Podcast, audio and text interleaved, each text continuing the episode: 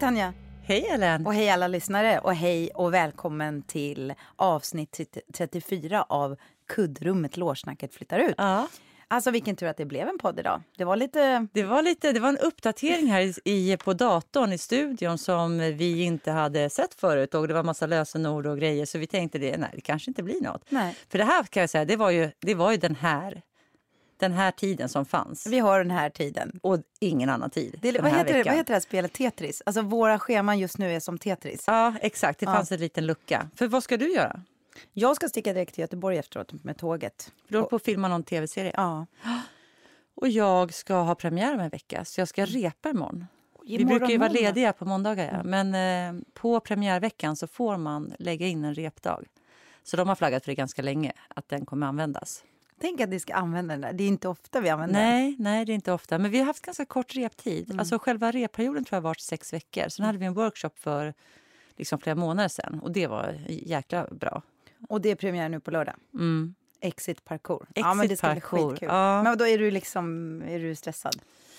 Eh, nej men stressad är jag inte. Alltså jag känner mig inte stressad liksom så här, hur ska det gå? Utan det är mer att det är mycket, för det är ju väldigt mycket dans.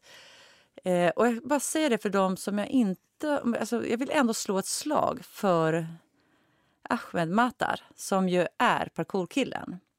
Det är ju hans liv som det handlar om. Hans eh, liksom resa från att hålla på med parkour i Gaza till att via parkouren kunna ta sig ut. Det är väldigt svårt att lämna Gaza. Eh, han är en fantastisk person. Alltså, han är så fin så att jag bara liksom tänker det här måste ju alla, alla kommer liksom älska den här Men föreställningen. när kommer han till Sverige? Men det är inte så länge sen. Och han pratar superbra svenska. Alltså, vad kan det vara? Alltså, jag tror att det är två år sedan. Jag måste dubbelkolla det. Men alltså, det är kort tid. Och han är i vilken ålder? Han är 26. Mm. Och han är parkourlärare nu eh, här i... Det är så liksom, vår konstnärliga chef på Unga Dramaten hittade honom för att han var parkourlärare till hennes son. Och så började hon liksom googla lite vad han har gjort och så här, alltså på alltså bara hans parkourtrick. Och han är, alltså han är svinbra. Mm. Och när han håller på under föreställningen så sitter vi så här ibland bara... ja, men det är häftigt. Det är Mm. Men- dansare och det är så här, men det är mycket. Ja. Vi lägger om Men när du säger att han parkourade sig ut från Gaza så tänker jag att han då hoppat över muren. Ja, men, det är, men det är via hans konst som han har... Ja, exakt. Ja, det är wow. via hans parkour. Alltså, han, han lyckades få... Ah, det, där, det där kommer ni få se i föreställningen, hur det gick till. Det ska bli jättekul. Och jag vet redan nu jättemånga ungar som snackar om den här. För att de är just parkourare, de känner till honom. Ja, ja så, att det är, kul. ja, så att det är Ja. liksom, han är ju en populär... Han är stor, ja. Han är jättestor tror jag, på Men Youtube får jag, kommer jag se, få se dig parkoura? Nej, det kommer du inte få göra, men du kommer få se mig både dansa och spela teater. Ja, Ja, bara det, bara det. Ja, nej, men, så det, men det är som det är. Det är, det är som det är alltid en vecka innan premiären. Det är sjukt mycket, man är väldigt, väldigt trött. Mm. Och så går man liksom på sin, sina sista krafter. Det är häftigt, då känner man att man lever. Ja. Men maj månad, då känner väl alla att de lever? Alltså Ja, det är så mycket. eller Vad är det? Först ligger man så här typ i dval. Alltså vintern kan vara ganska tråkig. Mm. Och sen bara händer allt. Det är som att allt bara exploderar. Jag känner Mm. att jag har haft svårt att liksom... eh, Alltså mina tankar har varit... Eh, Ja, all over the place, som prins Daniel säger. Det är verkligen så. Jag har svårt att samla mig. Ja. Vi skulle spela föreställningar häromdagen och jag liksom... Jag var, jag var tvungen att verkligen fokusera. Så här. Och så hade vi jättekul. Och sen på andra föreställningen, då är det en kompis, en kompis som missar en entré. Alltså du vet, jag höll ju på att skratta på mig. Allt är så här jätteallvarligt inne på scenen. Så här. Det är verkligen så. Helt plötsligt så, för det, det ska ni veta, när någon missar en entré, Ja. alltså det är som att tiden står stilla. Det är som Ja. att man fattar inte. Man bara, men min kropp är van att fortsätta här. Men Ja. ingenting, vad är det som är fel? Man kan först inte komma på. Alla på scenen tänker så här, är det jag? Är det jag? Ja. Är det jag? Ja. Är det jag? Och så var det tyst jättelänge. Till slut är det en kollega som börjar sä- säga en replik som är i slutet av den scenen. Och då öppnar den här andra underbara kollegan, som då har missat, som ska typ få bjuda på tårta. Han öppnar dörren, hör den repliken, tittar som en idiot, stänger Och tänk, Och jag tänk missat att- hela scenen. Ja, De har gått vidare. Ja, de har gått vidare. Men vad gjorde ni då? Nej, sen öppnar han dörren igen och kommer in och vi lappar ihop det. Så här. Ja, Och eh, det var väldigt roligt och han hade sån ångest efteråt. Man har ju verkligen det. ja. Och alla bara, nej det gör inget. Jag bara, jo, jo, jo, men alltså det där förstörde ju hela scenen. Bara, men det är så roligt när det verkligen händer Ja, något på scenen. ja. Sådär. Jag var på väg att missa en entré när vi Nu? gjorde yttersta minuten senast. Jag har liksom en liten paus. Så ska vi göra det som heter Norén-scenen. Då är vi liksom tre Norén-familjer och det är som en fläta. Mm. Det går liksom inte att, det går inte att spela den ut om inte alla är där. Mm. Och jag hör att de, de ropar alltid ganska tidigt och vi är väldigt nära scenen. Jag bara, ja, ja, det där hinner jag. Sen hör jag första repliken. Nej, men alltså, Men då är det först, det går no, tre repliker på band först. Så jag bara rusar och ska liksom slå på mig en kjol och då, är liksom, då hör jag också de ropa Tanja, Tanja, Tanja, Norénscenen, Norénscenen och folk har börjat springa och någon hade sprungit liksom åt andra hållet och så här letat efter mig och jag kom precis där men då jag var helt så här skakig i benen men jag hann in. Och så visade att Mattias Andersson dessutom satt och tittade på den föreställningen för att det är han som har regisserat eh, vår teaterchef. men alltså missad entré, det är så roligt. Ja. Men jag tror inte jag miss, jag har berättat om den här miss, en, annan kollega. Det, det är den roligaste fast ändå värsta missade entrén. Jag har ju min klassiska, men det har jag berättat Ja, om det första. ja. Men det här var så här under Fanny och Alexander. Jag spelade ganska många roller och bland annat den här Ismael som Mm. Folk sa ju alltid så här, "Jaha, ska du spela Stina Ekblad? Mm, det är den rollen som Stina Ekblad gjorde. Och det är jättepampigt, det är stort och den här eh, vridscenen rullar ut och jag står och jag står, det är så mäktigt. Och du står liksom som i ett litet trärum, Ja. för det var ju som eh, olika rum på vridscenen. Exakt, Ja. ett nytt rum som Ett rullar rum ut. som rullar och fram. det ska börja med att en kollega, Pontus Gustafsson, ska komma in och vara då min bror. Mm. Det är bara att den snurrar och jag står där. Det är som, alltså, du vet, bokstavligen framför hela stora scenen. Och, och eh, ingen kommer. Ingen kommer. Och det gick så långt så att jag bara, nej men nu måste jag nästan typ säga någonting så. Ja. Helt plötsligt slås dörren upp. Ut kommer Pontus Gustafsson med håret på ända och stänger gylfen. och, det var så här, och det enda man tänkte på var så här, att han var liksom en pedofil. Och att jag alltså det, det gick knappt att spela scenen så här. Och han var, han var helt chockad. Och vet du, i exakt samma scen, Ja. så vi har ju som en, liten, en ganska stor tv i artistfoajén Mm. där vi ser scenerna, där man också hör. I exakt samma scen så ska ju även Basha Friman vara med. Ja. Men hon hade väl inga repliker tror jag. Det är ju Nej. Pontus och du som drev Hon, scenen. hon åkte runt. Hon, hon, Men hon var väl med i det rummet? Hon Ja. stod ju där som någon sån elak det, ja. hushållerska. Mm. Då Just det. står vi och tittar på den här scenen och då står Basha bredvid mig och bara men, men, men där ska ju jag vara. Hon kom inte in på scenen överhuvudtaget den kvällen. Nej. Alltså i den scenen. För att hon insåg att det är kört. Det är kört. Ni har redan börjat. Men Basha, en, Ja. en så kär kollega till oss som Ja. vi saknar, som vi hela tiden påminns om också. Ja. För, och det ska vi, ja det kan vi berätta, men, men och som hon- då inte lever längre. Nej, hon lever tyvärr inte Nej. längre. Och, eh, men hon kom ju ofta in på scenen. Hon slutade ju röka för x antal år sedan. Ja. Men hon hade alltid de där... Jag vet inte ens om folk har dem längre. Det var Nej. något, från apoteket som hon Ja. gick och sög på. Ja. Kostar skitmycket. Och var så här, Någon sån här låtsas... ja. Och sen stoppade hon alltid dem i bhn innan Ja. hon skulle göra entré. Men ganska ofta så var det så att hon, gjorde, hon stoppade en typ i bhn på scenen. Alltså man bara, jättebra Basha.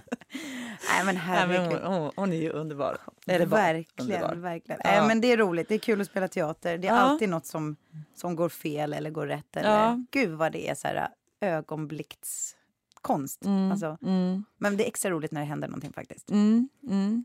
Men du, vad, vad, eh, vi började någonstans. Dagen har varit, veckan. Hur kom vi in på teater så himla snabbt? Jag vet inte, för det är liksom vi och, Nej, du vi till. Göteborg. Vi Jag började så, hej och hå. Ja.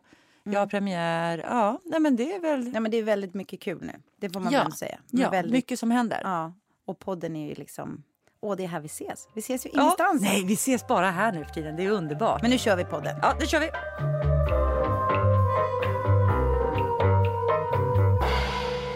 Ja, men på tal om då mycket. Vi hade ju något som heter provdag när man får testa kostym och alla sitter och tittar första dagen. Men det hade vi för, i veckan. Det var jättefint. Det är bara att jag var lite bitter under den provdagen. För jag var ju faktiskt bjuden på en lunch som jag hemskt gärna ville gå på.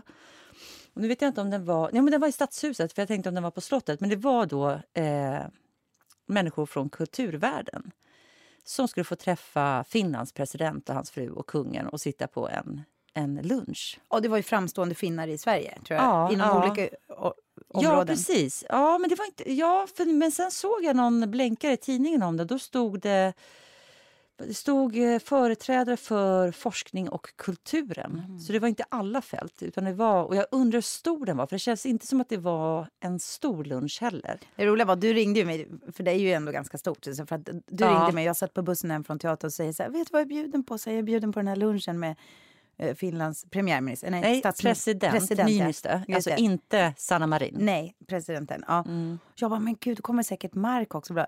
Och sen så satt jag på bussen, då sitter ju Mark på bussen. Mark Levengood. Mark Levengood. Mm. Jag bara, men vi pratade precis om det och då skulle han dit. Och jag har sett i hans flöde och massa andra, Maria Sidor. Han var där? Ja.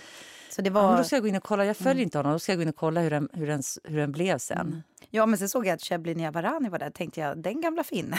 nej, men det var, nej, men det var ju att eh, de var på Stadsteatern tror jag. Jaha, Mm. okej. Men alltså, tänk att du missade. Det var faktiskt... Mm. Kund, vad sa de då på teatern? Alltså Nej, på riktigt, du ska träffa Finlands president. Ja.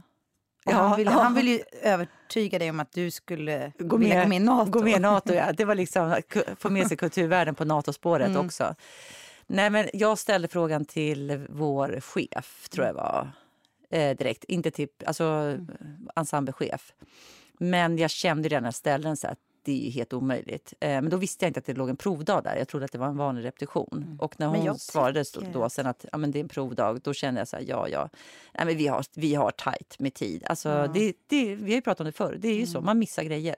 Eh, det är liksom baksidan. Men tänk dig, han åker runt nu i världen och träffar Biden, Mm. Erdogan. Alltså han träffar alla. Och så missade han dig. Jag tycker inte det är okej. Nej, men han får ju komma tillbaka. Eller så får jag ta det på nästa när jag åker till Finland. Får jag bara säga, by the way, eh, vi missade varandra i Stockholm när du var där. Kan jag komma Vi förbi på en fika? Säg så här, jag, jag behöver, alltså jag behöver, alltså svenska folket behöver nog min finska röst. här, För att det finns folk som är lite ambivalenta med det här med Nato. Ja. Eh, Och då tror du att jag är på vilken sida då i NATO-frågan? och förlåt att jag så här, ehm, alltså finns det ens någon sida? Är det inte så att vi, det känns som att vi står på ett runt klot och, och tappar balansen just nu? Jag vet inte. Men jag tror väl att du är emot Nato. Om man ska säga. Ja, nej, för jag, jag ska säga så här, jag... Vi var ju på middag för det. Det var Ja. lite svårt att få ur er. Ja, Jag ja. tyckte ni var väldigt försiktiga. Nej, men, men det är nog det. Att jag, är, jag kan liksom inte uttrycka mig så, så här, jag är för eller jag är emot. Jag kan, för det är någonting där jag känner så här, ja, vad, vad betyder det? Liksom? Vem är jag att liksom, ha en kvalificerad... Liksom, det är så otroligt komplicerad fråga.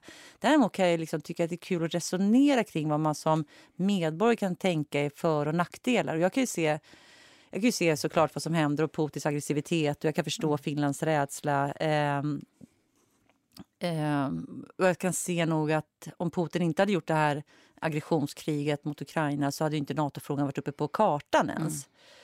Eh, och skulle han inte ha gjort det, då tycker jag alliansfriheten är extremt mycket viktigare. Alltså jag har svårt, att det jag tycker är nackdelen med Nato, det är ju att vi, att vi ingår i en militär allians med människor som vi inte delar samma kulturella värderingar med.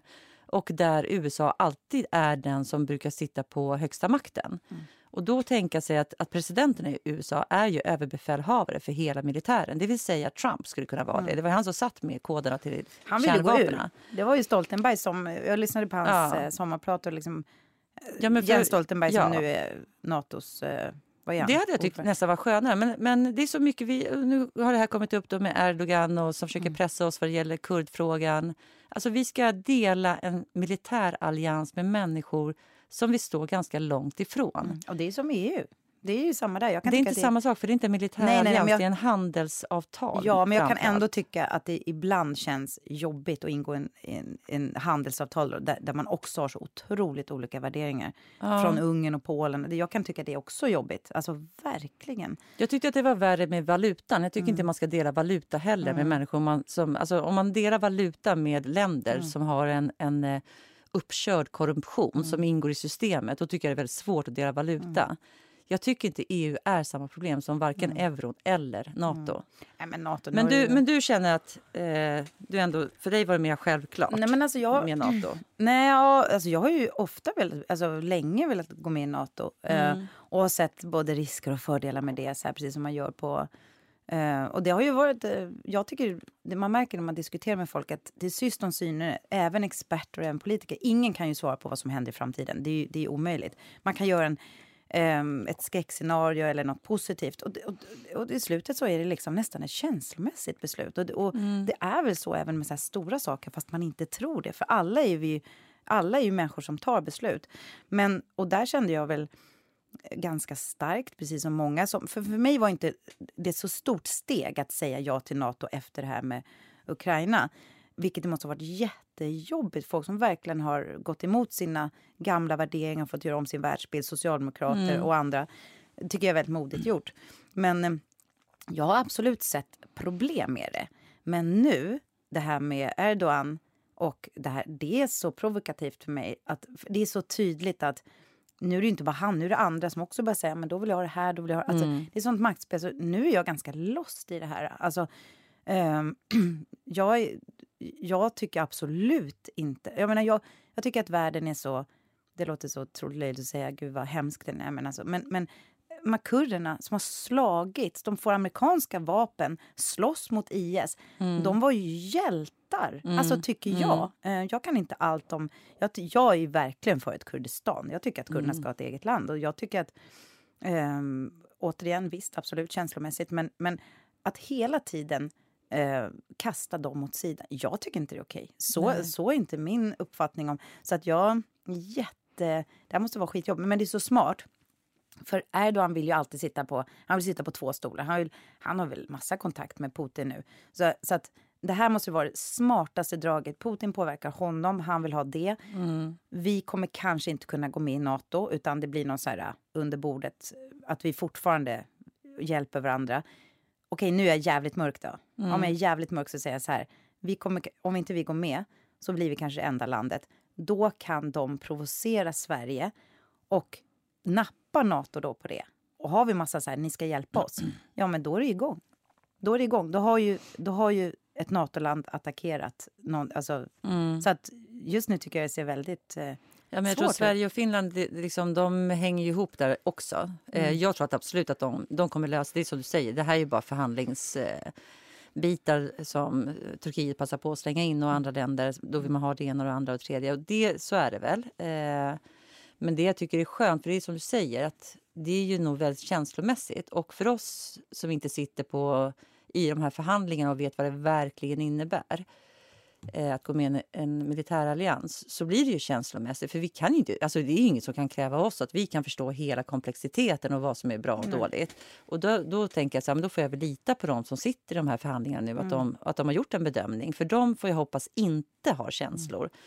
Och det är därför jag tycker att man heller inte ska ha en... Eh, jag tycker inte att det här är en... Eh, där man ska ha en folkomröstning. För vad, Ja, alltså det det, enda vi kommer rösta på då det är ju så här, vilken påverkanskampanj har varit mest effektiv. Vilken, alltså det, det blir bara ett känslomässigt val och det, det ska det ju inte vara. Det är ju alldeles för stort beslut. För att jag känner, jag har absolut ingen lust att, att rösta ja eller nej till Nato. För att jag, på vilka grunder då? På vilken kunskap då? Jag har inte de kunskaperna. Men det är som jag säger, nu har ju ändå en massa människor som har varit helt emot Nato, alltså Socialdemokraterna framför allt, svängt. Och det måste de väl ha gjort för att de har helt enkelt värderat ja. det på det sättet. Men det känns inte kul. Nej. Jag vill inte göra någonting som Erdogan säger. Alltså på Nej, riktigt, vad är men det för är jävla skitjobb. Men jag, för mig är alltså? faktiskt USA ett, ett eh, på ett sätt mycket, mycket värre problem. Därför att vi tror att vi är så himla lika dem. Och så ser man deras liksom nu abort, bara den här abortfrågan i USA.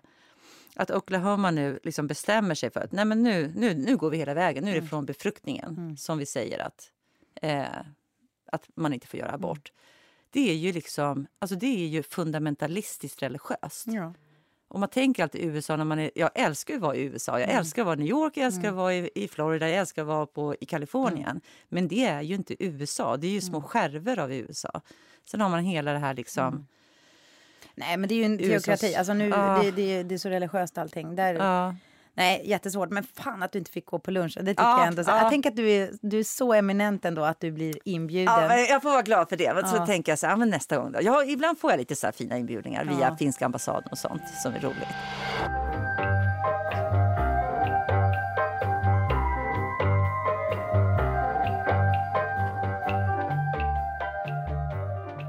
Men apropå, då ska jag faktiskt nämna att eh, jag tänkte faktiskt på det du sa med abort där, för jag läste en jättespännande... Eh, det har kommit nya forskningsrapporter om att det, det var faktiskt lite som, som det ofta är, att det blir lite av en slump. Att det var en man som skulle ha, vet man sätter, man mäter hjärnans aktiviteter. Han hade sånt ikopplat. Eh, det var en undersökning och han skulle sova. Under natten så dör han i ett hjärtstopp som inte var relaterat till någonting de visste innan utan du vet, det bara händer. Mm. Och då hade ju han de här att de mätte hjärnan på huvudet redan. Mm. Och då kunde man alltså se att efter hjärtstoppet så eh, var hjärnan aktiv, alltså väldigt aktiv, i 40 sekunder till. Och hjärnan la sig i sådana mönster som visar på att här är hjärnan aktiv och lycklig och det är någonting positivt som har hänt. Jag kan inte alla termerna, vilka centrer som har aktiverats. Eh, och efter det så blev eh, flera forskare nyfikna på det och började forska på det här med råttor också. Och det visar sig alltså att eh, hjärnan är aktiv efter att kroppen har stängt ner. Och det, och det, här, är- det här är det intressanta. All forskning kan ju användas till allting. Vi har ingen Mm. aning, det här är ju ganska nytt. Och då blir det så att, jaha, så att då betyder det att själva döds... Allt är ju egentligen uträknat så finurligt från naturen. Så att det är som ett avslut i livet, att du ska dö. Och då är när folk kommer tillbaka till livet och säger jag såg hela mitt liv passera revy. Det kan de visa att det är exakt det som har hänt. Det är så gärna, det är så du avslutar ett, ett liv. Mm. För att du ska vara lugn och glad. Ja, det har jag i och för sig inga... Eh, det har jag inte läst, att någon ska vara lugn och glad. Men, men alltså att det är, någon det slags, det är något, som- ett det- riktigt ja. jäkla avslut. Du Mm. får se ditt liv, du, så, här, så att du inte är rädd antagligen. Det är väl det det Mm. handlar om. Och då kommer de in på det här att apropå etiska problem Mm. som då är ganska svåra oavsett om du är religiös eller inte, men som blir extra svåra när du är religiös. För att nu donerar vi organ. Jag, Mm. Självklart, gud, jag har ju verkligen så här, nu säger jag det i podden, jag tror jag har något papper hemma, men bara så att om jag nu skulle dö, så att alla vet, jag ger bort allt. Alltså det, Mm. det finns in... Men då har det blivit så här nu också att vissa, vi säger att jag är med om en bilolycka, så att delar av mig, ska vi dra ut sladden eller inte? Hon kan inte Mm. andas. Och då tar de ju vissa organ medan jag fortfarande så att säga rent juridiskt lever. Mm. Och då kommer man in på det. Ja. Får jag då ett väldigt oskönt slut? Är det då... Alltså det här är så...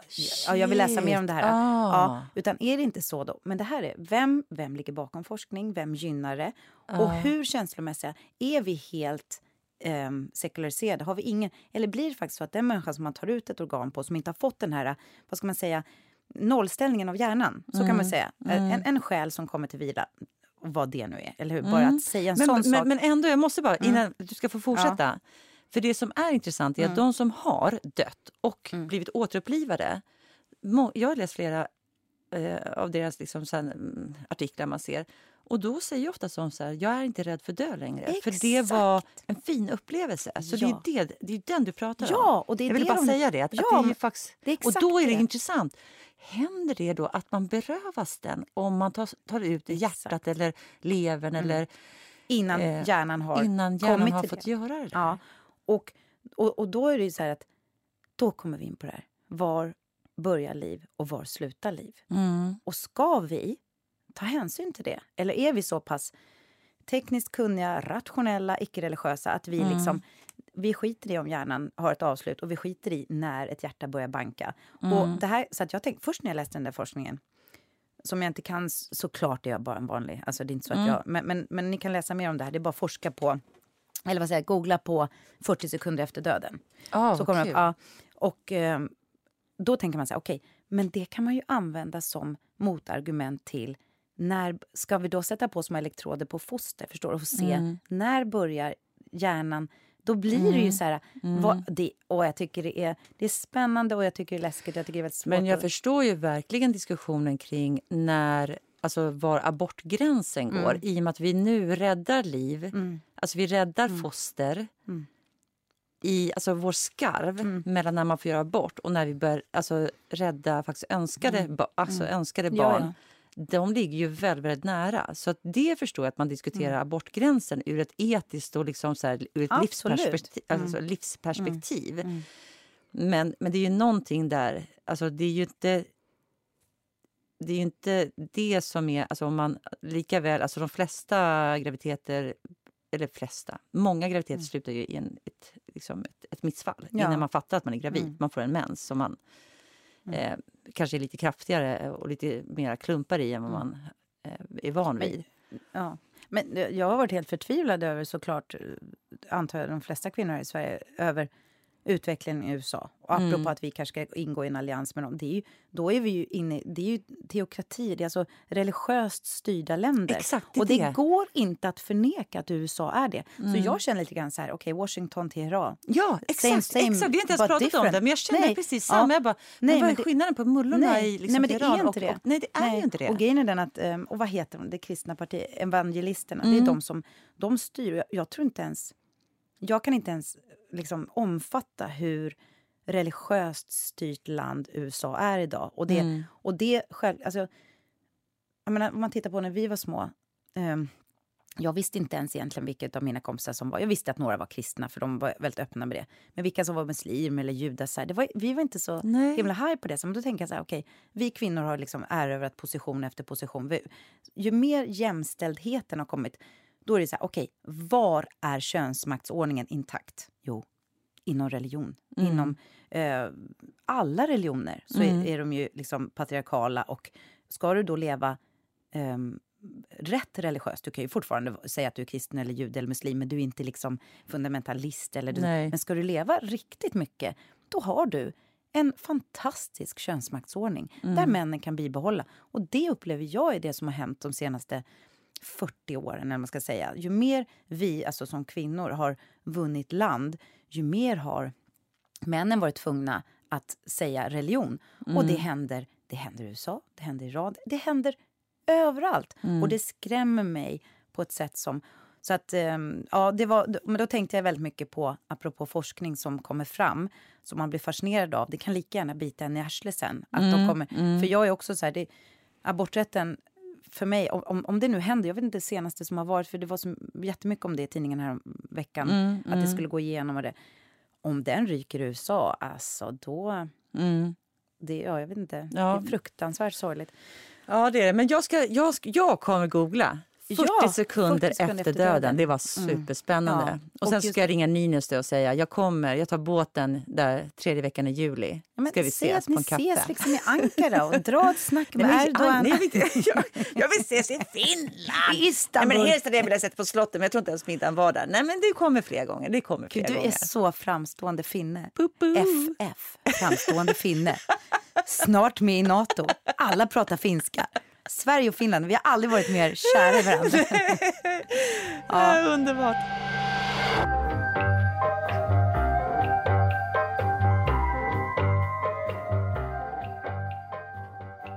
Men alltså, orkar du ens kolla dina flöden just nu? Nej. På- Alltså, men men alltså- pratar om sociala Nej, men medier? alltså, alla i kan. ja, Man bara... Alltså, ja jag bara men det har skymtat förbi. nej, men ja, alltså, alla ja. i kan. Men jag är inte kan. Jag har Nej. aldrig varit. Har du varit Inte jag heller. Nej. Men du vet att folk åker ner till Cannes utan att man har liksom en film att representera. Man kan åka dit och bara hänga. Och så finns det något som heter så här Svenskterrassen tror jag. Ja, där man liksom går på kvällarna. Så minglar man och så liksom är man där och skapar lite jobb och grejer. Men eh, jag tycker sånt är svårt. Men, Alltså, det är säkert kul om man känner att man har råd. Och råd och, man måste ju ha en fin klänning. Och, så, ja, vet, alltså det är så mycket runt om va? Alltså, eller hur? Ja, ja, det är det. Alltså man skulle behöva köpa massa Jag Ja, skulle men- behöva köpa en massa kläder för att överhuvudtaget inte känna Och mig I som mitt en... fall tror jag faktiskt att det är sämre om jag skulle åka ner och vara full och träffa Jag tror jag skulle få, jag tror jag skulle få mindre jobb. Jag, tror, jag är bäst i roll med manus. Ja. Alltså ska jag vara mig själv då kommer jag typ bli arbetslös. Så det bättre jag skickar så här, så här, inte ens, om jag skickar en selfie då skriver jag bara varsågod typ, inte så här ut. Nej men det, nej jag tror inte det skulle funka för mig. Nej. Men det ser jävligt härligt ut. Ja, det Alltså, skulle ju vara kul. Men alltså att folk är så glamorösa. Jag förstår Mm. inte hur de kan vara så snygga. Men samtidigt som jag kan känna så här, fan vad tufft det är med sociala medier. Alltså jag Mm. tänker på det, kan inte alla bara sluta lägga ut alla träningsbilder på sig själva och alla smala grejer? Alltså det är sån trigger för alla ungdomar vi känner. Jag kan Mm. känna så här, åh vad svårt det är. Men gud, jag, jag, jag måste säga att jag är lite trött på sociala medier. Ja, och jag, jag tror att jag har varit så jäk... Alltså jag har haft så mycket. Så jag, du vet, man tittar så här, alltså verkligen så här skymta förbi. Mm. Jag har jättedåligt samvete för att jag har inte önskat någon grattis Mm. på alltså, två månader tror jag. Du vet, och så när man själv fyller år Så tänker jag, det är inte en jävel som kommer säga grattis till mig. Så typ en månad innan jag fyller år, då börjar, jag, då börjar jag anstränga mig och skriva grattis på din dag! Nej, gör, alltså, jag skriver aldrig, men jag är sämst Nej, men jag på sociala medier. sämst på det Ja. också. Och nu när jag ser så här, det kommer ju upp någon så här, Mm. och, och den där verkar fylla år och den verkar fylla år. Men jag har liksom, jag har bara tagit den och svept förbi och jag orkar, alltså det går inte. Nej, nej, det Just där nu. är, men det är kul att de har sand mellan tårna och vackra kläder, att de är där nere. Alltså, det ser väldigt gång, kul ut. någon gång Men är jag satt istället på, jag har blivit hemkallad till The Mothership. Jaså? Ja, jag har faktiskt haft eh, att göra lite med Gamla Teaterhögskolan Jaha. och STDH. Det heter, och nu ska Det heter ju något annat nu dessutom. Förut Ja. hette det Teaterhögskolan i Stockholm, sen hette det STDH, men det heter ju inte det längre. men- Jag vet inte ens vad det heter nu. Nej, jag ska faktiskt erkänna att det inte jag vet heller. Men jag har fått lite kontakt med elever där och eh, får se sen om man kan vara med och påverka eller om man har någon roll att spela där. Men jag var på så här uppspel igår Aha. och då hade de sitt barndomsblock och det, ja men herregud, de har fortfarande barndomsblock. Det hade ju vi också. Barndomsblock. Mm. Jag tyckte du sa barndomsspråk. Barndomssnopp. Ja, barndomsblocket. Ja, men man, spel, man gör... Hade ni eh, det? Ja, vi hade det. Jag tror vi var första gruppen som hade det. Man gör ett eh, samarbete. Alltså, då låg vi på skilda, Mm. i skilda lokaler, alltså helt eh, på olika ställen i stan. Man gör ett samarbete med manusförfattareleverna, Mm. regissörerna, scenograferna och skådespelarna. Så gör man en produktion som ska vara tänkt att ha barn som publi- Ja. eh, publikgrupp. Mm, och det är samma här nu. Då har Mm. skådespelarna samarbetat med manusförfattarna och, och alltså det var så jäkla bra. Ja, vad kul. Jag, jag blev så glad, för nu har jag bara sett en. Jag hade velat se, de, de var flera grupper. Mm. Jag gick och såg en som hette Tunnelbarn. Ehm, och ehm, det var så fantasifullt och så roligt. Och jag blev liksom glad för återväxten. Det var så roligt, hade de tagit ett, kände du till eh, en, en gammal spökstation som heter Kymlinge? Nej, Det är bara för att du är från norr om söder om stan. Ja, du är från söder om stan. Ja. Ja. Ja. men vi som är uppväxta norr om stan, vi känner till att det finns en spökstation. Och den hade de gjort. Eh, och den ligger mellan Hallonbergen och Kista. Det är en tunnelbanestation som... Ja, ja, ja. ja. Alltså där, Som inte används. ja, och alltid när man åker förbi så här så ser man något, du vet i mörka fönster. Och man ser att det är en station där, men den stannar aldrig. Mm. Och den kallas ju då alltså spökstationen. Alla, det går ju massa. Så det hade de spunnit vidare på. Och det var så jäkla kul. Det var så mycket nostalgi i det. Och det, det finns ju supermånga stories om det där. Men det är ett silvertåg som folk säger sig ha sett ganska ofta. Folk som har gått. Det finns så många historier. Är det sant? Ja, och det hade de gjort en men, barn... men alltså, nu måste jag bara fråga då. Den stationen, har den någonsin varit i bruk? Nej, alltså det var så här att de, de skulle bygga... Alltså det skulle byggas ett stort Bostadsområde? Ja, typ. bostadsområde Ja. som sen aldrig blev av. Jag vet inte riktigt varför, om de hittade någon blomma där eller om det var någon fornlämning. alltså så här, någonting. Ja. Så den har aldrig öppnats. Men Eh, alltså, det här är ju spännande. För Man undrar, det är klart att den är bebodd. Ja, ja, ja. Och folk är ju, det är ju värsta graffitis. Alltså folk går ju Ja, ner där. Och liksom- det måste ju jag vara har aldrig varit där. Men, men, Fester och, och uteliggare. Och, alltså, det måste ju vara som en helt egen värld där. Ja, och, Det här är ju, det här är ju en film. ja, ja, ja. Och, och det är det. Alltså, Men jag- vad, men vad handlade pjäsen om då? Den, här, åh, den var så fin. Alltså, och den går faktiskt hela... Oh, fasken, nu kommer ju alltid vårt avsnitt lite efter. Eh, den var så pass bra att jag kände så här, det här hade de kunnat sätta upp på Dramaten. Alltså Ja. som barnpjäs. Nej, men det var en liten flicka då som... Och den var bara 30 minuter och ändå fick de in så mycket. En flicka som skulle åka till mellan sin mamma och pappa. Ja. Och de bråkade hela tiden på telefon. Det var så, också så fint gjort. Scenografin var tunnelbanetåg. Allt var så jäkla fint. Och ehm, de tjafsade hela tiden och så skulle hon åka själv då. Hon var tio Mm. år. Och när hon kom ner i tunnelbanan så växte den här fantasin. De här reklampelarna började prata med varandra. Mhm. Och sen tappar hon sin väska. Då får hon hjälp av en duva. Alltså det var som Disney. Så. Mm. En, en tunnelbaneduva som hette TC. Mm. Eller han hette inte TC, men en annan som hette TC. Han hette typ eh, Kungsan, för han var Mm. från Kungsholmen.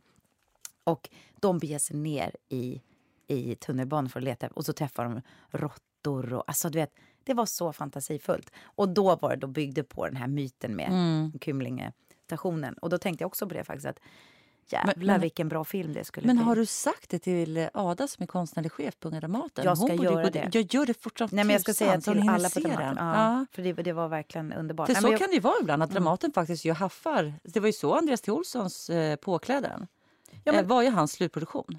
Ja, och, och samma sak med... Jag var ju med i Barndomsblocket, hade sån tur. Det var, att alla pjäserna var bra, men jag var med i en pjäs som heter Svälta hund. Mm. Och det var jag och Jens Olin bland annat som spelade och en regissör som var jättefin regissör. Han har bara försvunnit. Men han som skrev manus hette Anders Dus. Och han är Jaha, jätteframstående. gud, ja. ja, gud, ja. Och han eh, blev ju plockad direkt. Jag blev ju plockad från... Alltså Anders Dus lärde jag känna där. Han Mm. skrev en pjäs eh, och hade mig hela, hela tiden i tankarna som han sålde till Dramaten. Och det var min första barnpjäs på Mm. Men Dramaten. gud, Så att det, är- det ja. är verkligen... Nej men jag ska verkligen Men vet du vem som det. regisserade vårt barndomsprojekt? Nej. Jasenko Selimovic, Nej. som vi pratade om. Det var så jag träffade honom. Men det var ju, alltså hela det barn, jag var jättekritisk Mm. efteråt. För att eh, vår pjäs var, de, de skulle vara 30 minuter långa. Mm. Vet du hur lång vår pjäs var när vi fick manus? Två timmar och en kvart. Och vi skulle spela de här, vi spelar ju dem ute på skolor. Nej, men jag bara tänkte så här, jag bara frågade, nej, men det var inte Jessica som har skrivit, Nej. det var en manusförfattare. Jag bara, varför är den två, över två timmar? Mm. Nej, men eh, jag ska inte härma dialekten. Nej, men det, det vet jag det, Men jag tänker att det här är... Så vi var ju tvungna att hålla på och stryka. Och till slut var jag, jag och Sanna Marie Patja som bara började så här. Det här får ryka, det här får ryka, det här får ryka. Eh, nej, men det var inget bra. Det var inte bra liksom lätt. Nej. Det var inte bra Nej. förberett. Men, men, eh, Nej, men för mig det var betyder första gången. Ja, men för mig betyder barndomsblocket så mycket. Mm. Och jag ser här också att jag ska verkligen säga till folk att gå och titta. Ja. Eh, och det är någonting vi borde göra mycket, mycket oftare. Jag känner så här, Mm. okej nu vet inte jag vart skolan, vad den ska heta.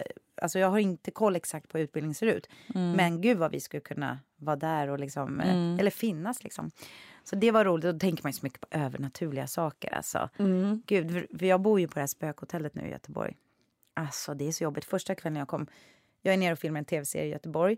Mm. Och under pandemin så filmade jag en annan tv-serie i Göteborg. Och då bodde vi på spökhotellet Eggers. Egger- Jaha, ja. Eggers. Och Ja. innan så har jag bott typ så på, ehm, vad heter det andra? The Clarion. Clarion, Ja. Post. Mm.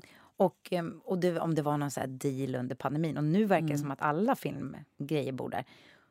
Men det här har jag berättat va? Att det spökade så jäkla mycket sist jag var Nej. där. Ja. Jo, okej. Nej, jag tror inte Har jag inte berättat Nej, jag det? känner inte igen det alls. Oj, oj, för då var jag där förra våren. Och ja, men jag hade ingen aning om någonting. Sitter i sängen och den börjar verkligen... Det är som att någon drar i sängbenet. Alltså drar, drar. Alltså, och jag är ingen sån person som vill att såna här saker ska hända. Det är ingenting Mm. jag söker upp. Men det var så konstigt. Jag hann bli superrädd. Han tänker att jag ska ringa till receptionen. Vad ska, vad ska jag göra? Så tänkte jag, nej, men jag sitter bara still. Alltså det, inget spöke har ju någonsin skadat någon. Eller det kanske de har. Mm. Man vet ju inte. Men så jag bara tänkte, okej, acceptera att det är så här. Det höll på ungefär en minut, vilket kändes jättelångt. Mm. Och jag var så rädd. Sen pratade jag med dem i receptionen. Jag bara, det, har det varit några byggen eller fester eller så här? Mm. Alltså, nå- de bara, nej. Ja, ingenting på Richterskalan. Typ, så. Nej, men alltså, ja, ja, för nej. det var det jag tänkte. Jag Nej, tänkte på alltså- tågen som går, eh, Nej, något alltså litet jordskalv. Och då sa jag så här, det har ju hänt en jättekonstig grej. Då sa de så här, nej men alltså, du är inte den första som säger det här på våning tre. Så Oh, jag fick Ja, nu. Nej, det var verkligen så här. Så att när jag kom dit nu, eh, då var jag så här. För det första hoppades jag att vi skulle bo på Clarion, Mm. men det skulle vi inte. Så nu bor jag på våning ett. Jag vägrar att bo på våning tre. Mm. Alltså, så rädd blev jag. Mm. Så att, eh, har du Men varit med om sådär? Nej, men jag har en jätteläskig story. Alltså, Jag vet inte om jag ens om jag vågar berätta jo, jo, jo, den. Det var när vi gjorde Meja äger ringen. Då, bodde vi, då var vi filmade i Trollhättan och så bodde vi på något, en konferensgård lite utanför. Och då går de som har hand om kostym, då, då har de tvättstugan liksom nere i en kulvert. Då möter den ena tjejen en man i kulverten med slokhatt och kappa. Och han ser väldigt, väldigt konstig ut. Och hon, Det är bara vi. Det är bara vi som bor där. Vi har hyrt hela stället. Och hon frågar honom så här, vad... Han har käpp också tror jag. Och hon frågar honom någonting och han, han liksom... Det är någonting, hon bara känner så här, det är något som inte stämmer. Och så blir hon rädd för hon tänker det här känns ju jättekonstigt. Eh, men han avlägsnar sig och sen så tittar hon och förstår inte var han har tagit vägen. Och ingen, ingen kan förklara vem den här slokhattspersonen var som dök upp. Och hon kände ju jättestarkt efteråt, men det här var inte det här var inte någon människa som har gått ner. Eller det här är inte någon som har sökt liksom, ja, men typ en uteliggare som har... Utan hon kände bara att det här var en människa som... Det var ett spöke. Men alltså, jag vet, och det låter så löjligt. Jag, jag har ju jättemånga synska i min familj. Och bland annat min morfars bror var väldigt synsk. Han såg, han såg alltid, så I hans trädgård så såg han alltid en liten flicka som gick genom huset, genom trädgården och så vidare. Och han var helt fin med det. Han var ju aldrig rädd. Nej. Och min mammas ehm, farmor, det var ju hon som var... Hon, alltså, alltså mamman till den.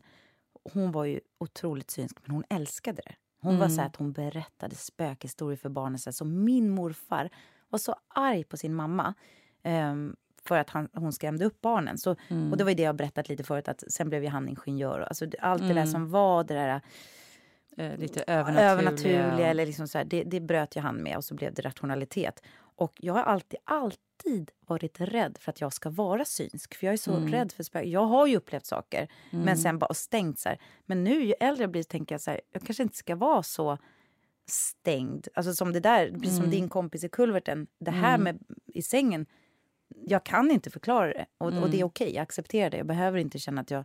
Ibland känner man sig dum och korkad och lite löjlig när man berättar såna här saker. Men för de flesta sakerna jag har varit med eller med om, det har ju varit ofta i samband med dödsfall, alltså att någon har dött, och att det har varit lite mellan dröm och verklighet. Alltså, och då kan man inte riktigt lita på sin Nej. hjärna. Nej. Eh, jag har haft såna jättestarka förnimmelser av att människor som har dött har varit i rummet. Men det känns som att, som att det, det, det är inte... Jag, jag vet inte. Nej, det skulle kunna vara, om du Ja. var, är mellan dröm och vakenhet, så skulle det kunna också vara en bearbetning som hjärnan Exakt. gör. För det hade ju Paul också med Ja. sin mamma, att Ja. han tänkte att, hon, att han drömde.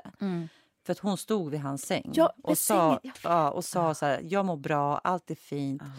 Eh, Men mamma, jag ska bara fråga dig en sak. Alltså, det var någonting kring det här där han på morgonen kände så här, var hon här? Eller var, och han är ju inte någon som jag skulle säga är så här, jag, tyck, jag, jag är helt övertygad om att det finns spöken. Det är inte jag heller. Eh, jag, jag vet inte riktigt. Liksom. Jag, min syrra, alltså jag har två syrror som toktror på, på det här med ett annat liv och kontakt med andar. Och Jag har största respekt för att de utforskar den världen. Och jag är jättenyfiken. Jag frågar ofta så här, har du träffat någon och vem, vad sa den då? Men det är inte så att jag själv tänker, jo, jag vet att det finns en andevärld. Utan jag, jag är liksom, men jag är väldigt öppen. Alltså jag skulle bli jätteglad om, det, liksom, om det var så. Tycker jag är fantastiskt. Och jag vill inte stänga den. Så här. Det är väl underbart att få, få leka med de tankarna, tänker jag. Men det är ju det där med hjärnan. Då tänker jag så för just det där med när folk dör. När de försvinner. Jag, jag börjar mer och mer känna att det är ju, det är ju någonting som lämnar kroppen. Om det nu är det där återställandet av hjärnan. Jag har ju varit med om det vid flera tillfällen. Alltså man, man, det, det, det, är, det är någonting som händer. Alltså Som- en stark närvaro Ja, av som- en person som, som egentligen försvinner. är död. Eller Ja, som försvinner. Som, till slut så Ja. är det bara kroppen. Alltså, Men, men, eh, men jag, ja, vad ska vi säga med det? Nej, men jag bor inte på trean i alla fall. Nej. För det finns ju folk som kanske då skulle tycka att jag vill se om det kommer något mer. Jag skulle Ja. aldrig uppsöka det. Nej. Men jag är inte heller, precis som du säger, jag förnekar ingenting. Jag tar inte ifrån någon, någon upplevelse, men jag är inte intresserad av det. Nej. Eh, Och jag är rätt intresserad. Jag har Ja. alltid velat vara synsk. Jag har alltid Ja, jag velat träffa spöken. Ah. Nej, men jag, så jag är jätteöppen. Men, Mm. Och då tänker jag så här... Nej, men antingen är det att jag inte är rätt person då. Mm. För jag har inga såna starka upplevelser själv. Nej, för jag, jag har ju ganska många, men jag hade ju till exempel, det här behöver ju, det här är ju jättesvårt att veta, men det, och det är många som berättar samma sak. För jag hade ju, fram till att jag kanske var åtta år, och jag vet Mm. inte när den började, jag vet inte, kanske ni, fram till när jag var nio, men jag vet inte, så hade jag en, en, en dröm som återkom ofta. Mm. Och jag visste vad den drömmen var. Eh, och jag var alltid ganska rädd. Och det var likadant jämt. Det var väldigt så här, det snurrade, snurrade runt, snurrade runt. Och det var en utsträckt hand och jag skrek och jag försökte rädda mig kvar. Eh, och den kom så pass frekvent att jag förstod att det var... Nu låter det som att jag är helt knäpp. Men Mm. eftersom jag var ett barn så var jag inte Mm. heller stängd eller rationell. Nej, eller, utan nej. För mig var det så här, ja det var så jag dog. I förra livet så var det någon som försökte hålla mig kvar. Ah, Och, oh. och det är så roligt, så här, jag har Ja. aldrig pratat med någon om sånt här. Nej. Alltså, så här. Nej. Men för mig var det så tydligt att det var någon, det var någon... Och sen har jag alltid varit paniskt rädd för att drunkna. Mm. Och jag har alltid tänkt att... Det är så roligt, det här har jag faktiskt aldrig berättat för. Ja, ja. Men att det finns någonting i mig som jag tror att jag har drunknat för i Mm. mitt, det som var tidigaste livet. Mm. Gud, tänk att jag skulle komma ut som en sån här människa nu. Ja. Men, men det är så konstigt att man aldrig berättar om det. Men det, det väckte någonting i mig, alla de där fantasierna med tåget. Och, Mm. och det har varit så mycket den här veckan faktiskt med, med övergivna platser. Men då tänkte jag som barn sen, att, för då var det inget konstigt för mig. Att Nej. jag hade drunknat och jag är rädd för vatten nu, jag ska akta mig Mm. lite. Eh, sen var ju oddsen för att man dör på samma sätt två gånger. Men, Mm. men det, det är konstigt Mm. eh, att jag hade så starkt... Och sen slutade det. Mm. när jag blev större. Då kom Mm. inte drömmen tillbaka. Men jag minns det. Jag minns känslan av drömmen. Jag minns Mm. varför den kom. Mm. Eh, så att, nej men gud, jag har varit med om... Ja, nej men då ska jag berätta en till sak. Det var sista Mm. grejen. Mm. Jag kan berätta fler saker sen. Men när jag hade fött... Det här är någonting som vi skojar om. Men när jag hade fött Liva, då eh, var jag på BB och så hade vi varit så klantiga. Vi visste inte att man skulle beställa familjerum. Nej. Eh, så att Robban fick gå hem och vi var ju ganska besvikna. Vi fattade ingenting. Så jag låg där själv med bebisen. Och helt plötsligt så ropar Liva så här. Ove! Ove! jag blev livrädd. För jag hade aldrig hört en bebis prata. Nej. Hon skrek Ove ungefär tre gånger. Helt Nej. tydligt. Ja. Och jag vågade inte gå fram till henne. Jag bara... Och jag hade redan då varit rädd för henne för att hon hade ena ögat...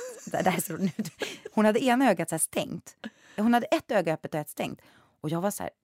Jag var ensam med henne då. Jag bara, shit hon har inget öga. Jag vågar, hon är, hon är, hon, det är inget öga där. Så jag gick fram till henne då, det här var på dagen. Bara bände upp hennes öga. Så bände Och så bara, vad skönt, hon hade ett öga. Men vem fan var Ove? nej men alltså, nej men alltså det är så roligt. Alltså det, nej men någon... Någon jag hennes ja, tidigare Det är ju något, eftersom det är så Ja. många i min familj som Ja. har varit synska Ja. och jag har definitivt känt av det där tidigare i livet. Och hon måste ropa efter Ove. Ove. Ja. Och, sen, och det här har ju varit ett skämt, men jag var så rädd. Ja. och sen, ja, och sen, sen många, många år senare så... ja, Fan, jag tror hon var 17 eller någonting. Då säger hon så här, jag ska hem till Ove. Och jag och Robban bara... och du vet hur många heter Ove som är 20 år? Ja. Så här, 17. Då visade det sig, och det här är också så konstigt. Nej, då hade hon lärt känna en kille som heter Ove. Och Ove var son till en före detta tjej till Robban. Jag bara, det var inget övernaturligt med det. Det var bara... det var bara livets, livets vindlingar. Åh, herregud.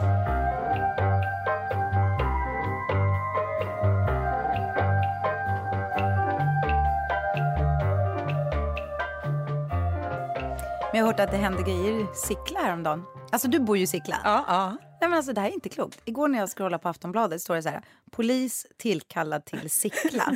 eh, jag bara, åh gud vad har hänt nu? Så här. Nej, då visade det sig att, och det här berättade mina ungar också häromdagen, att det hade tydligen brunnit i en affär i Sickla. Mm. Jaha, har du hört det? Nej, alltså jag missar allting. Nej, det Ja. hade jag Nej, jag hade inte hört det Ja. heller. Ja, det, och den hette Best, Best of Brands eller någonting. Ah. Där det finns massa dyra kläder. Ja. Det hade brunnit och då skulle det nu, nu bli brandrea. Var det därför det Ja. var rea? Ja, ja. och vet du, det, det hade varit hur många personer, Mm. 500-600 pers där. Mm. Polisen hade fått tillkallats Mm. därför att folk inte kunde stå i kö. Och jag bara, De skulle Och- tryckas in till den här rean. Ja, och- det var 70 procent kan jag ja, säga. och folk var rädda för att det skulle bli slagsmål och ringer väl polisen för att folk är så Mm. otrevliga. Mm, och det här är en, en till spaning ska jag säga på, apropå SJ sen. Men, ehm, och, då, och då kände jag verkligen så här, du vet tiden när man känner sig så här, okej, vi är snart inte alliansfria, det är Nato, det är så mycket som händer.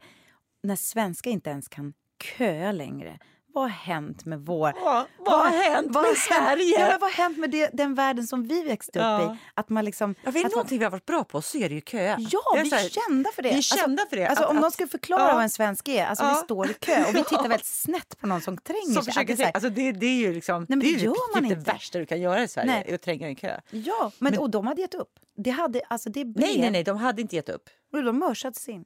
Ja, men, nej, ja, men då, då, då kan jag säga så här, för att Ella, Elinor, Mm. hon eh, messade mig när jag slutade repa i lördags. Mm. Hon bara, det är 70% på Best of Brands. Vi måste dit mamma. Jag bara, ja. Så jag cyklade direkt dit. Då hade de styrt upp det med kravallstaket. Mm. Alltså, Och eh, inte poliser utan ordningsvakter. det är så pinsamt. Ja, och då stod folk snällt i kön och den var ju alltså, hur lång som helst. Så att vi bara gav upp det där och sket det. Men Eh, alltså, men jag, jag visste inte att det var att det hade- brunnit. Jag trodde de hade typ gått i konken. Att det var det som var grejen. ja, jag hört att det brinner. ja, jag har ingen Ja. aning. Du har säkert rätt. Ja. För jag har helt missat det där. Mm. Och sen är jag ute och reser en hel del nu. Mm. eftersom- och då, då är det också så här, tågen går ju inte. Alltså, är det så? De, de går inte i tid? Nej men alltså, jag bara åkt några gånger nu och det har varit försenat. Så jag fick jag, då vart de så nervösa häromdagen så fick jag flyga istället. Eller hur? Det, det Ja, gick som ju- att det skulle gå bättre. Nej, men Herregud, alltså- det är kaos på Arlanda fortfarande. Ja men alltså på riktigt kaos. Ja. Ja. så jag kommer dit. För det första ska jag flyga inrikes, bara terminal 5. Man bara okej. det är ju terminal- konstigt. De har Mm. ju stängt terminal 4.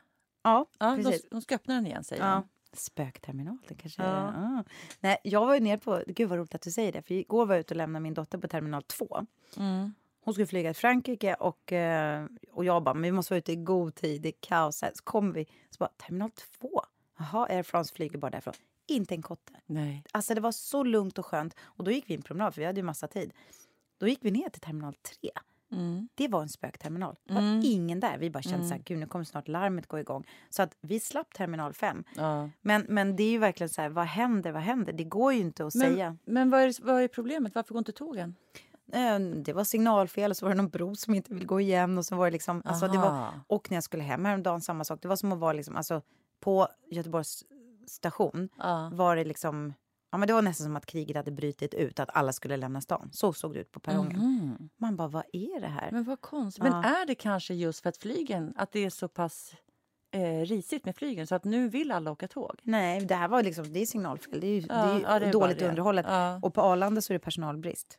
Ja, ja, där är personalbrist eh, så sjunger om det. Och det, det För det är ju säkerhetskontrollen som är problemet där. Ja, det måste de ju lösa. Att de inte har gjort det än, eh, det är helt otroligt. Det är helt otroligt. Jag hörde att de ställer in otroligt mycket flyg. Alltså SAS måste ju Mm. ställa in jättemånga flyg för de har inte personal heller till flygen. Nej, men alla har ju skolat om sig under pandemin. Mm. Nej, det är Nej. inte... Nej, så är det. Men, det, Nej. men då är det väl ändå ganska skönt att få sätta sig och titta på en gammal hederlig tv-serie där man får nostalgitripp. Vilken På- tänker du på? Jag tänker på Clark Olofsson. Clark, Clark. Clark. Ja, men för du var ju lite, ja, slarken. Du var ju lite tveksam till den. Ja, men- För Torker hade ju sett den. Då hade ju varken du eller jag sett den. Nu har båda sett den. Ja, men alltså, för jag, var ju så här, jag sa ju det förra gången när ni sa jag bara, vad är det för jävla gubbjävel. Mm, Alltså, Jag vet inte, men, men sen så har jag sett det nu. Mm, alltså, vad jag, tycker du då? nej, men alltså, jag har skrattat så mycket. Jag med. Alltså, gud vad roligt att du... Ja. Nej, men jag... Men den är ju så jäkla bra gjord. Det är ju liksom Ja. regigreppet, Jonas Åkerlund. Det är ju det som är the shit med den där. Alltså Han har ju verkligen tagit ett helt eget grepp. Eh, och sen kan man ju ha såklart massa invändningar mot eh, att alla tjejer vill ligga med honom och att det är lite så här ur hans kanske perspektiv. Lite, men alltså, Ja. det säger de. Nej, men jag måste säga så här. Så Alltså, menar, kul att få garva. hans eh, skrönar Ja, ja. perspektiv. Att den bygger kanske på hans bok där han Mm. då själv har fått berätta om sitt liv. Och det känns ju Mm. inte som att han kanske direkt eh, håller ner. Utan att det, det både Nej, men det roligaste är ju hur de skildrar att han knullar. Ja, alltså, det, ja, det, ja, alltså, det jag skrattar så, mycket. roligt. Alltså, ni ska ju se, jag, jag, det var det jag skulle komma fram till. Att jag tycker också så här, jag är jätteimponerad av Jonas Åkerlund. För Ja. han, hans fantasi och hans kreativitet och liksom bara, jag blir jätteimpad faktiskt. Och så tycker jag att eh, alltså, Bill Skarsgård är underbar. Sen är det ju roligt också att ah, han har ju castat med bara, han visar ju att det inte är riktigt på allvar. För Mm. alla skådespelarna är ju komiker eller icke-skådespelare. För att Mm. han vill Först tänkte jag så här, gud, hatar han så här riktiga skådespelare? Typ så här. Men det måste ju vara för att han vill visa att vi, det här är en show. Alltså, vi Nej, spelar han inte... hatar skådespel. Han gör det? Ja, jag Ja. läste en intervju. Ja. Ja. men vad kul att du säger men det. roligt. Nej, men jag läste en intervju i morse med honom. Ja. I, eh, för jag har ju svenskan. I den bilagan som, vad den nu heter. Eh, Perfect Perfect Day. Day jag på att säga. men- Perfect guide. Perfect Guide kanske den heter. Så är det en lång intervju med honom och då sa han så här, nej men jag har aldrig velat göra eh, tv eller film i Sverige för alltså, jag tycker skådespelare är så jävla dåliga. Jag kan inte tänka mig, så, gud jag vill inte jobba med svenska skådespelare, för fan vad dåliga de är. Och sen eh, även så att alla svenska filmer är så jävla dåliga. Och så här. Men, men då var liksom Bill Skarsgård var eh, liksom ett krav så här, för att han skulle liksom tro på att han kunde göra det här projektet. Sen, har, sen är ju några skådespelare med faktiskt ju, Ja. och gör fina roller. Ja. Alltså, Adam Lundgren är med och gör den här Alltså, han är roliga. så rolig. Alltså, han är så rolig. Och, Räven. Räven. Kurre. och eh, det är några till också som gör jättefina. Peter Vitanen gör ju pappan där. Ja, han är alltid bra, han är alltid bra. Mm. Lägg det namnet på minnet. Peter Vitanen. Mm. Eh, och då sa han så här, faktiskt så att ja, men sen upptäckte jag att det fanns ju massa bra skådespelare Mm. i Sverige. Men det hade han liksom inte riktigt fattat. Eh, men, men det är ju som en liten passus. Ja, men det var Att, eh, roligt Du var inte helt fel ute. Utan det, Nej, för det, för det är det vi har pratat om. Eller jag har i alla fall tänkt på det att ibland är det lite jobbigt när de ska casta oss. Bara, nej, men vi måste ha en schlagersångerska bara för vi ska ha så här. Mm. Och så är ju casten. Men jag tycker ändå, jag, jag tycker att den är jätterolig. Och alla de här Mm. tidsmarkörerna, att man får Mm. bara skratta. Sen ehm, så tycker jag också att, ni, ni ska se ska berätta, men jag tycker att han knyter ihop säcken på slutet ändå. ja, det tycker jag Ja. med. Och jag tycker det blir en snygg, vi ska ju verkligen inte spoila det, men det blir en snygg vändning. Eh, Mm. vad man har sina sympatier och det. Mm. Eh, så att jag tycker att de, de håller balansen. Eh, Ja. på Och så snackas det om att de ska göra en del två. För att han har ju massa grejer kvar han ska göra. Så. Ja. Sen förstår jag att det är självklart med all respekt för alla offer. Och det, det vet jag absolut. Eh, men jag tycker att det är jätteroligt att sitta och se den här och se alla, Lena Nyman är med, Olof Palme, att det är liksom så här, och Tommy Lindström. Alltså, Mm. Det är Alltså, så roligt det när är han... så roligt. Tommy Ponny, alltså Ja. att, hur roligt. Nej, men, och att få skratta. Ja, men om, man, om man skiter i liksom, egentligen då, Mm. att det också är en så här real, alltså bygger på reality och det är massa människor runt omkring då såklart. Men om man bara tittar på verket, Mm. bara tittar på produkten, alltså vad tv-serien är, Mm. så är den ju den är gjord med ett nytt grepp. Den är gjord Alltså den är oerhört bra gjord. Alltså den, det, det är Ja, för den är egen. Den är Alltså, helt det tänkte jag egen på. och eh, Ja, för- för jag tänkte- sjukt bra. Ja, för jag tänkte på så här, ibland när man går in i ett projekt så för, för som ni vet, ni som lyssnar, så här, man träffas ju liksom inte. Det är inte så att alla ses, utan att, att, att, att han har verkligen förmedlat till varje skådespelare vad det är för genre vi spelar Ja. Och det tyckte jag, så här, för hur fan vågar de göra så där? De Ja. måste ha haft någon så här, det är rock'n'roll, Visst, många skrivit att det är som en musikvideo. Men att de har spelat så roligt och så Mm. toppat. Ingen har försökt att vara så här method actor eller göra något så här. Utan det undrar jag, så här, fan, han, han, hur har han satt förmedlat tonen. det? Ja, han har satt tonen, ja. Men jag undrar, undrar om de har haft någon ändå form av så här, som man kallar för kollationering, alltså där man samlar alla och så visar man lite inspirationsfilmer och så här, det här är tonen, det här är vad vi ska göra. Eh, det alla måste vara med på tåget. För jag undrar också, för annars har han varit otroligt bra på att få alla att ligga i samma tonträff. Exakt, det För det är det. det som är så sjukt bra. Jag, jag, jag, jag, jag, jag tyckte i alla fall, åh vad jag har garvat. Så det är jätteroligt. Ja. Annars ja, men då har vi, det var det kulturtipset va? som vi har idag. Ja. Har vi något annat? Har du Nej, något annat? Det, vi har skapat kultur. Alltså ser du, ser du naturen? Jag har gått flera gånger och det, det här är inte många dagar kvar. Det Nej. kan jag säga. Nu är den här spröda, gröna, de här olika färgerna. Jag, jag går varje dag, en liten kortis med hunden. Och så tittar jag på och tänker så här, det är så vackert. Det är så vackert. Det är någonting som är, det är liksom ljuset, vackert, det här gröna och snart kommer det liksom bli lite den här mörka gröna och allting blir liksom samma färg. Det är nu vi ska gå ut. På tal om det så är det väl så att vår podd kommer väl ut nu på torsdag och då är det Kristi himmelfärd. Kristi himmelfärd. Och det brukar ju vara en lång helg för eh, arbetarna som inte håller på med teater i alla fall. Jag har ju Ja. premiär. Jo, jag Eh, jobbar också på helgen. ja. Men Kristi himmelfärd, det är också roligt att tänka på. Vad är det liksom? Alltså, det, har Ingen aning. ingen Vad är det? Men är det liksom, det, det vore roligt också ut, alla teokratier vi går in i nu, då måste de ju fira allt sånt där. Ja. Är det lite en, Är istället det en någon som vet? Man, man hör ju att det... Jo, men han åker väl dit då. Men, men det skulle vara roligt om man började så här, sälja så här, små Jesu barn på kvastar. Så Ja. att det blev någon så här påsk att han åkte. Så här. Men ja, det kan vi utveckla. Jaha, så men du är inte heller ledig? Jag har faktiskt ledigt några dagar, jag ska åka till en, några kompisars landställe. Men sen spelar jag helgen, Ja. Lördag, söndag. Så jag har ju liksom ingen lång Då helg. kommer vi ses i logen. Jag har premiär på lördag Åh, och Gud. spelar på Och då kan vi fira Kristi flygtur.